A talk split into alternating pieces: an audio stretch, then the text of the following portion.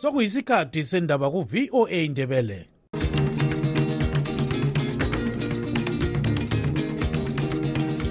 amatshono zihlobo siyalamukela kuhlelo lwethu lwezindaba eziphathelane lezimbabwe kustudio 7 eya voice of america sisakaza sisewashington dc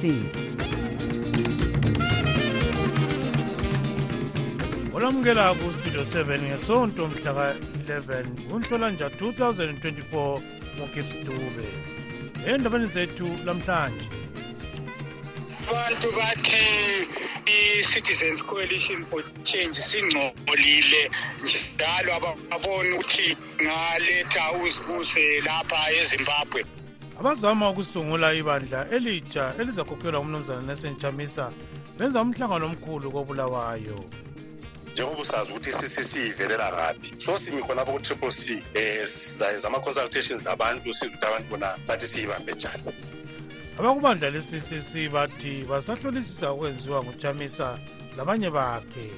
Bayakhala abazali ngabantwana abehluleka ukuja imfundo kuzinga le-ordinary level.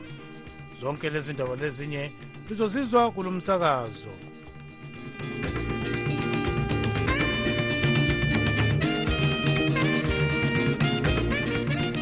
abazama ukusungula ibandla elitsha elizakhokhelwa umnumzana nesentshamisa benza umhlangano omkhulu kobulawayo.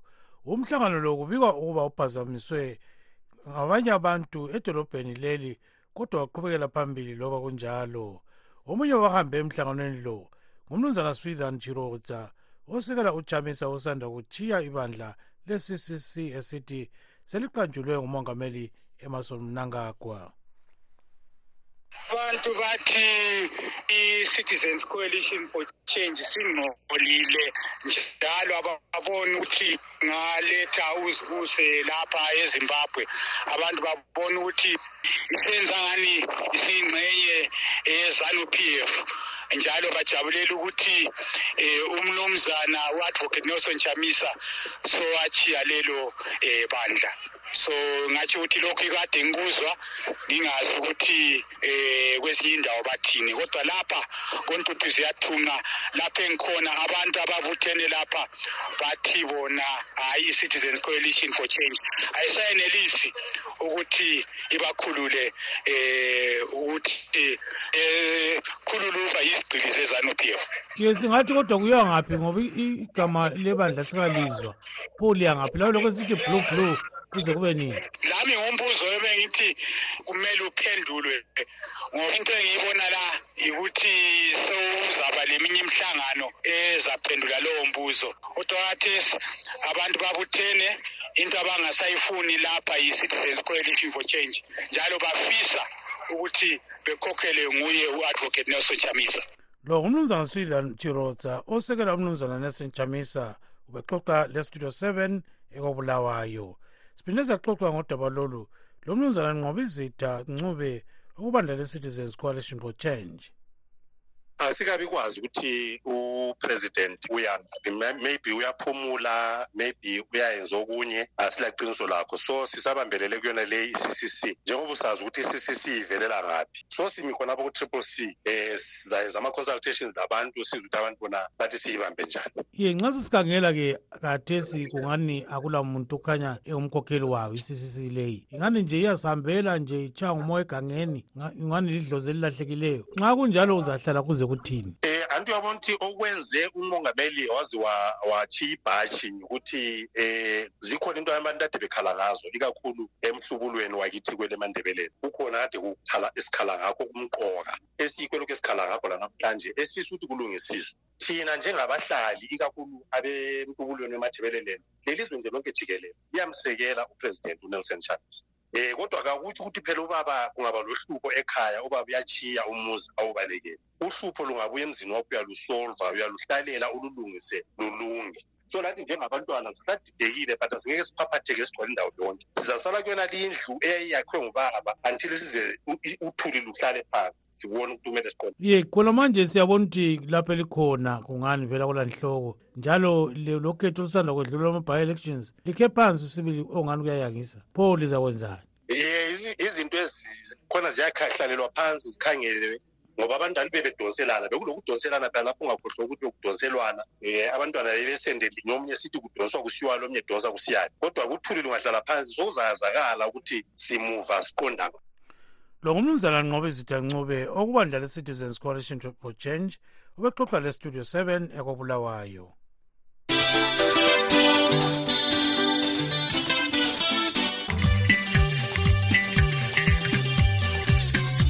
bakhala abazali ngabantwana abehluleke ukuphutsha imfundo yezinga le-ordinary level. Izikolo ezintathu kazitholanga ngitsho loyedwa ophutshe kahle izifundo 0 percent. Ake sizwe umnumzana moben qhelisa ngwenya ohlala edaluka exoxa ngodaba lolu. Ngele njalo eh ipass rate emadosi lobanda sumakhonyana ma 0 percent eh okwandileyo eh sike sikunanzelele. Eh isikolo lezi eziningi abasaskrini njengakuqala kumbe ezinye izikolo ziyaskrini ukuthi na eh, abantwana abalama-nine eh, grades ehe yikho esibathathayo. Lezi ziyathatha noma umntwana esuke eprimary engayenzanga kuhle kumbe eh mhlawumbe wabalekiswa ngobukhulu bakhe ukukhula kumbe iminyaka ke sedlulile kulabo odlala labo. Bambhalela incwadi etholakale kusoneso sikolo siphezulu. So kusuke kuphumise impumela engekho kahle. Yikho okunye kubone sikuthola kuhambelana lakho ngakho kusesimweni selesokhuluma ngaso pho kulungiswa njani? Eh njalo okunye okuvamileyo zona ezizikolo eh ungathola ukuthi khona eh lababalisi balutshwana ukuthi bebamba ama-grades wonke bawaqede. Ngesikhathi esifaneleyo nazo ingane zona lezo eh abanye abahlala khatshana kude. Njengalesi simo esesikiso oh, nge-climate change kuyabonisa vele um kubana umntwana nxa vele suke engadlanga lutho ekhaya akulanto ongayibamba ezwisise. Ufike lala ecabanga umango ohambayo lempilo ovele kiyo ekhaya. Kuyayehlisa izinga lokufunda eh njalo futhi ungathola ukuthi bona abo bantwana eh, bona lawo ama-subject abaqambileyo bayabhadalela um kabaziniki ithuba lokuwastata ngendlela efaneleyo kumbe ukuwafunda.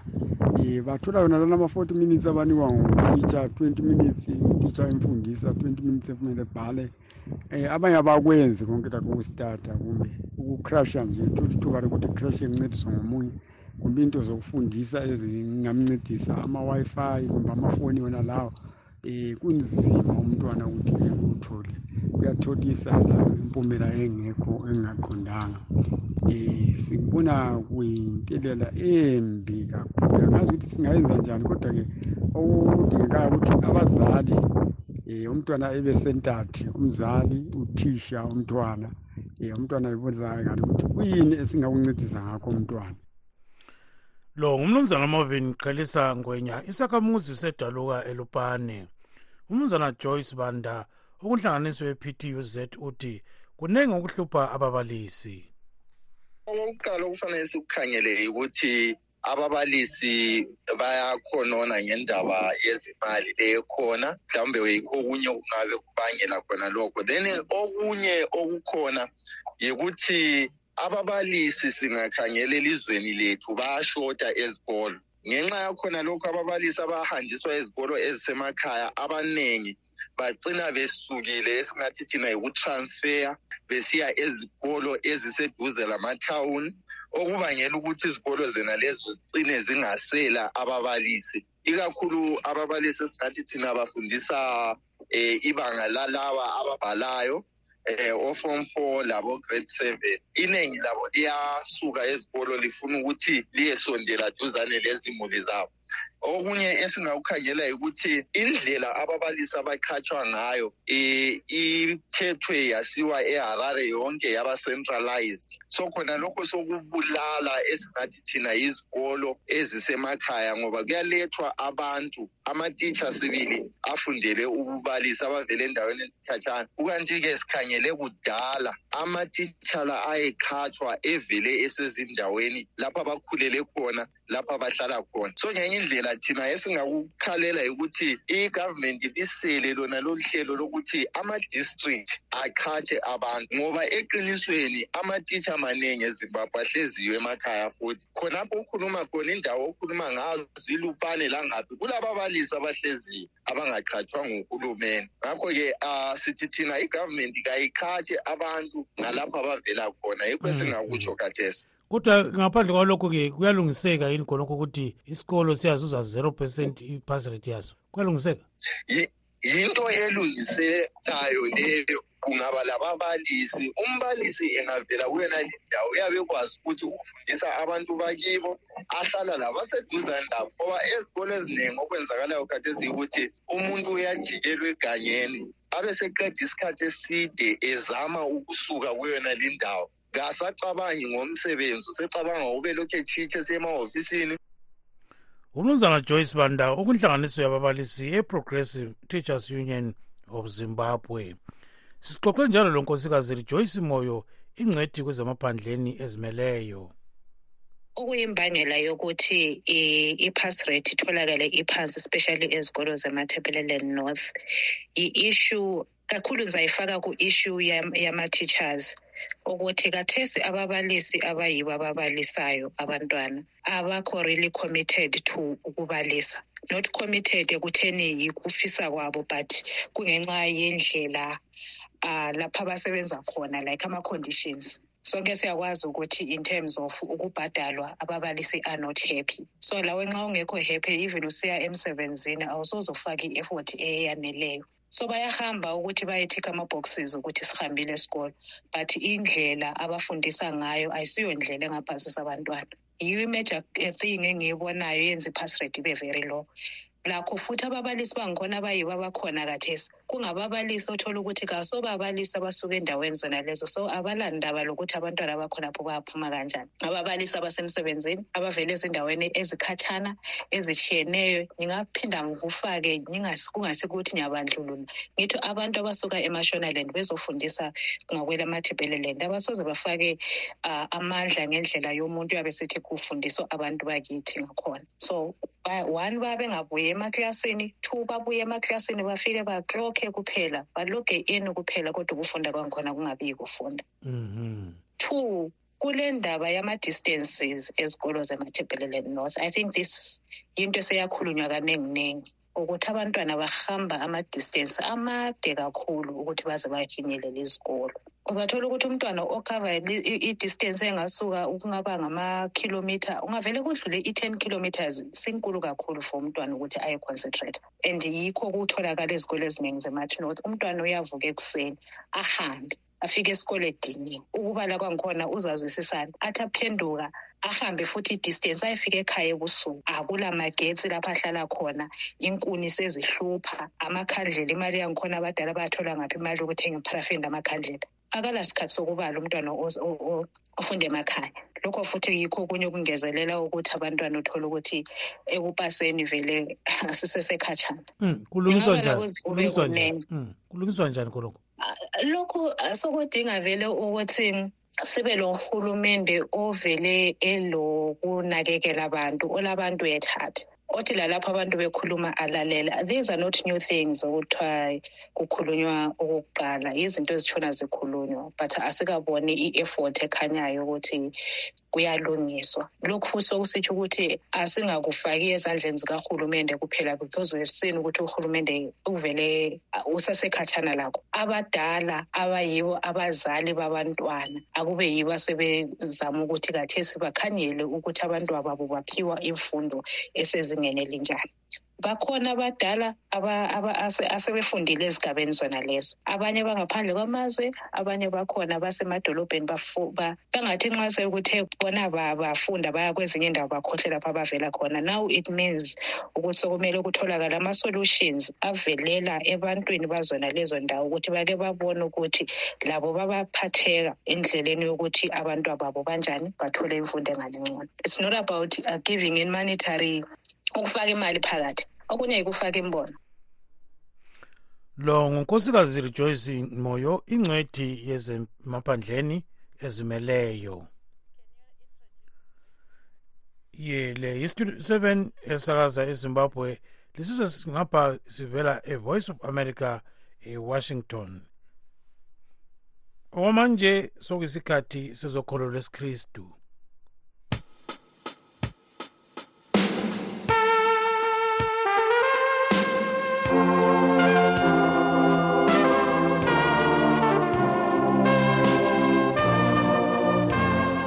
Sihlangane kuhlelo vuselela umoya.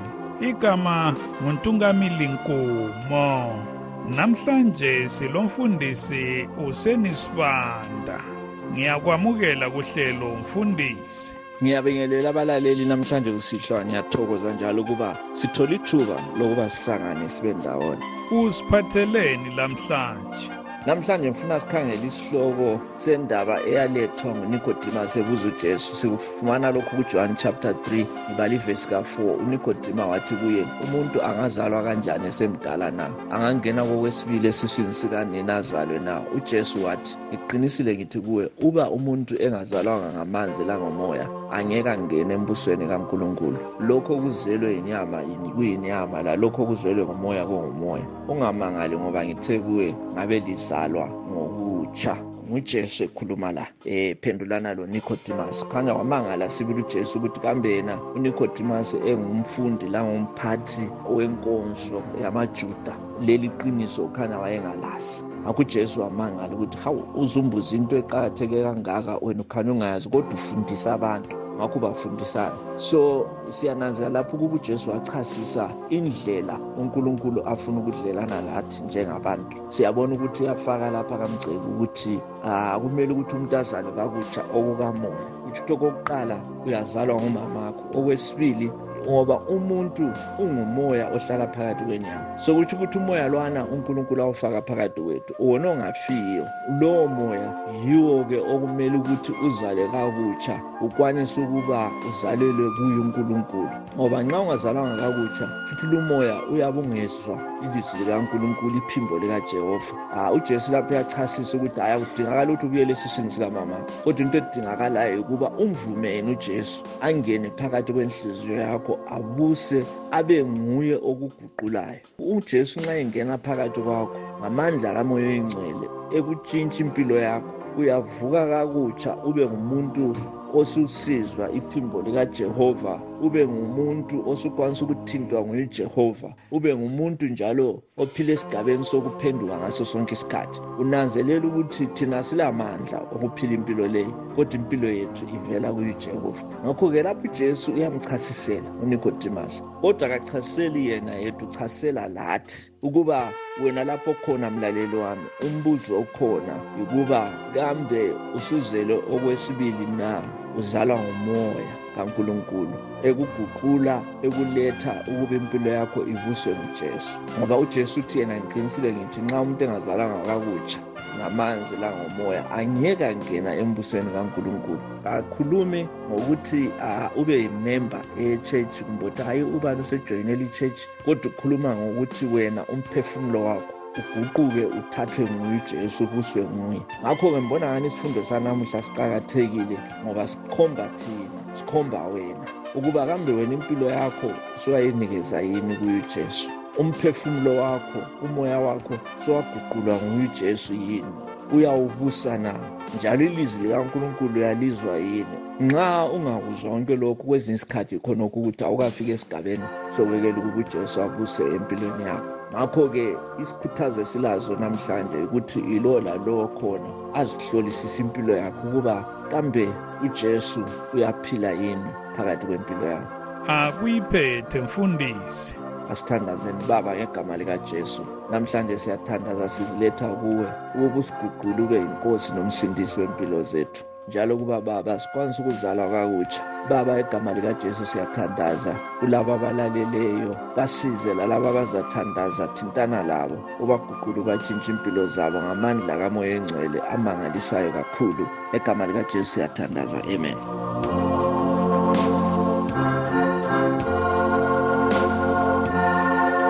Lolo bekuluhlelo vuselela umoya. Silomfundisi usenisibanda thiyani indlebe kuhlelo lunye ngeviki ezayo.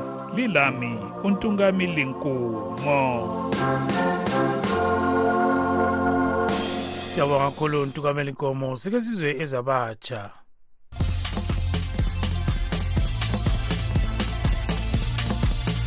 Siyalamukela kusigaba sabatsha. Igama lami ngutabo kancube.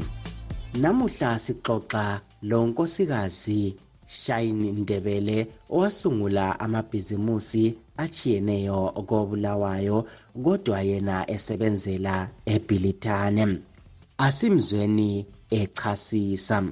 Ibhizimusi lokuqala engizakhuluma ngalo yimqondisi inshine driving school. Sitholakala kulink estate ku-office number 8 between 10 and 11 georges lunde ngakobulawayo.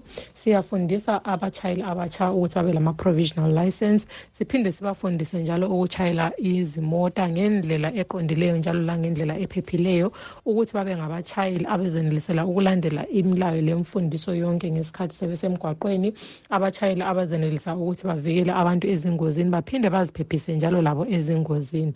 Ngizaphinda ngikhulume njalo nge-M&S Healthcare Institute ifundisa omongi esibabiza thina sithi ngama-carers kumbe ama-nurse aids abonga abantu uh, besezindlini kungabe kumbe kusezibhedlela. Silesivumelwano lezibhedlela zikahulumende ezimbili lapho abahamba khona sebesiyayenza ama-practicals. Ngaphandle kokufundisa eh abongi laba kulokunye na elikwenzayo kuleli bhizimusi? Amanye ama-services esiwa-ofayo khona lapho nxa kuyikuthi umuntu elesigulane nkhaya kumbe uyagulelwa usudinga ukuthi uncediswe ngabantu abakufundeleyo.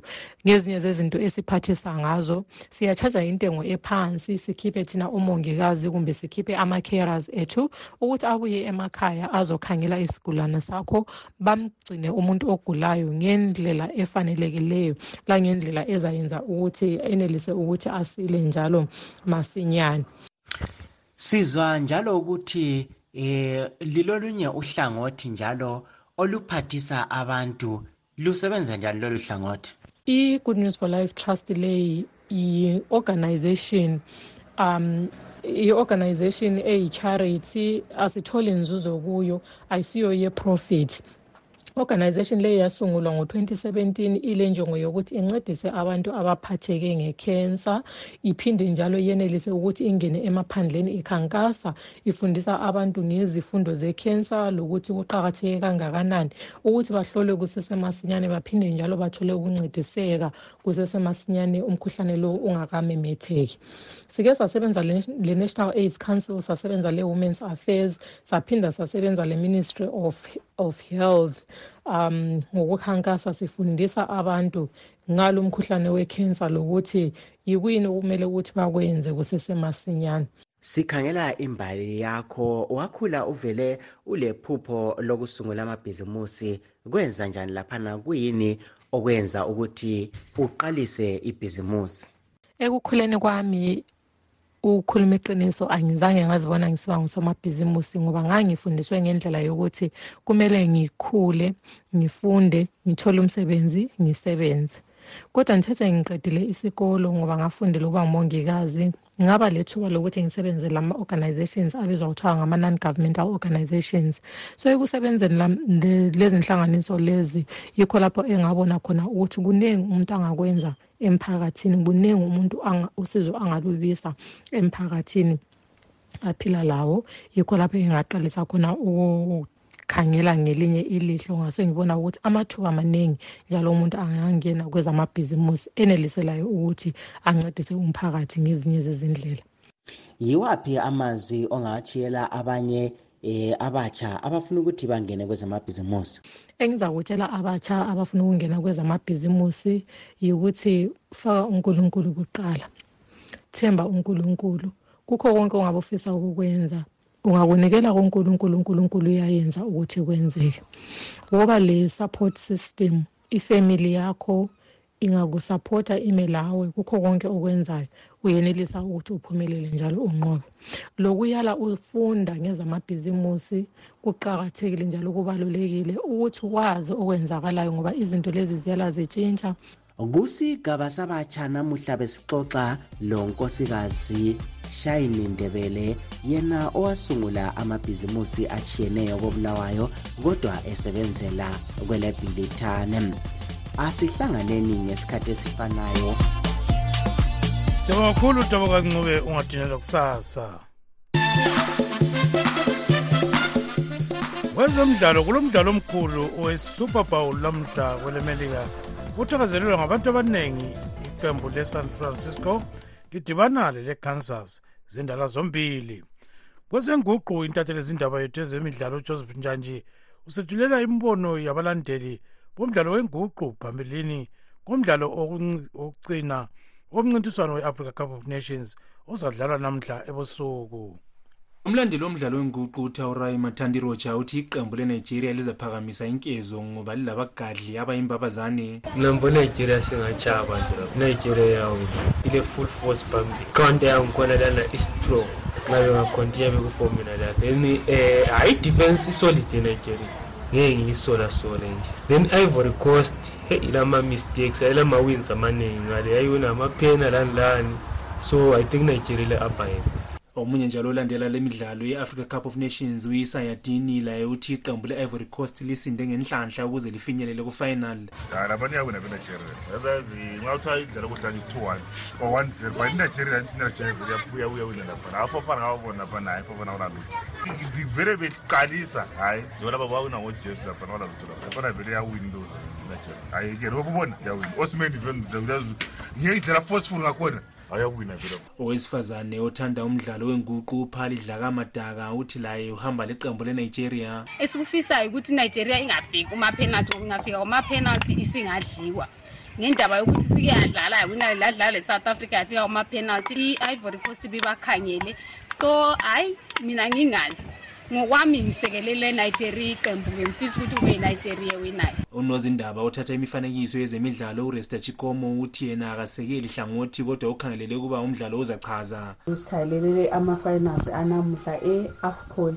Asazi ukuthi yiliphi iqembu elizawina phakathi kwe-ivory coast leyinigeria njengoba sikhangelele ukuthi abadlali abadlala lamathimu lawa ngabadlali abakhanya bengabadlali abaphezulu abadlalela amathimu ayemazweni. Lesophu uzabe umdlalo olibazisayo omnandi. Owadlalela iqembu labasakhulayo le-highlanders utinashe dube uthi lamaqembu azayehlukaniswa yimbekwa ngoba zindala zombili. Ngama-big team zonke and mbona ngani hayi bonke yi-two mbonani badlala ibhora elifuna ngani liyafana nje. Mbona ngani hayi sokungaba yi-90 minutes draw sibili sesingaqedelana kuma-extra time penalties ngale cause hayi i-cote divoir layo senginayinika lami nje okuyi-chance nyana because of i-support. So hayi mbonani i-cote divoir nxa kwehlula ukuthi wine sezingaqedelana kuma-extra times. Odlalela iqembu le-east rovers umichael moyo laye uthi abasekeli sebengadlala indima enkulu kumpumela yalo mdlalo. I-ivory coast njengoba babe le-support eningi so bazaba baningi ukukhulela inigeria. And then bengakhulela inigeria inigeria ma ingakulandela kwento lokhuyana bazoswela i-power to overcome i-ivory coast due to i-support eyabe ikhona eground. But nge-type of play i-type of play yabo igood omunye njalo olandela imidlalo ye-africa cup of nations usimbarashe chitamba uthi yena imali yakhe uyifaka kuqembu le-ivory coast ngoba lilenhlanhla enkulu. Cote divoir yawina 2-1 kumbe 1-0 abayi kuma-penalty cote divoir yawina inigeria sijets iwinile icote divoir izadlalela futhi ukuthi ihome njalo ifuna ukubreaka le record ukuthi ihome ithethe cup yafika kufinal vele konke kuyazile kwezinye amalutshwana amathimu okuthe home efika kufinal bathatha le advantage ukuthi bakuhome. Lama-supporters amafans abaniki intshukuntshulana ukuthi bedlale njani iqembu le-ivory coast selake layiphakamisa kabili inkezo ye-africa cup of nations ikanti elenigeria lona like layiphakamisa kathathu. Ngimele studio 7 kobulawayo ngingujoseph njanjini. Yes ugqiba lapha uhlelo lwethu lwalamhlanje oluvalelisemoyeni ngenjabulo ngumthembo osithembayo ugibbs dube. Lilale zulukandaba.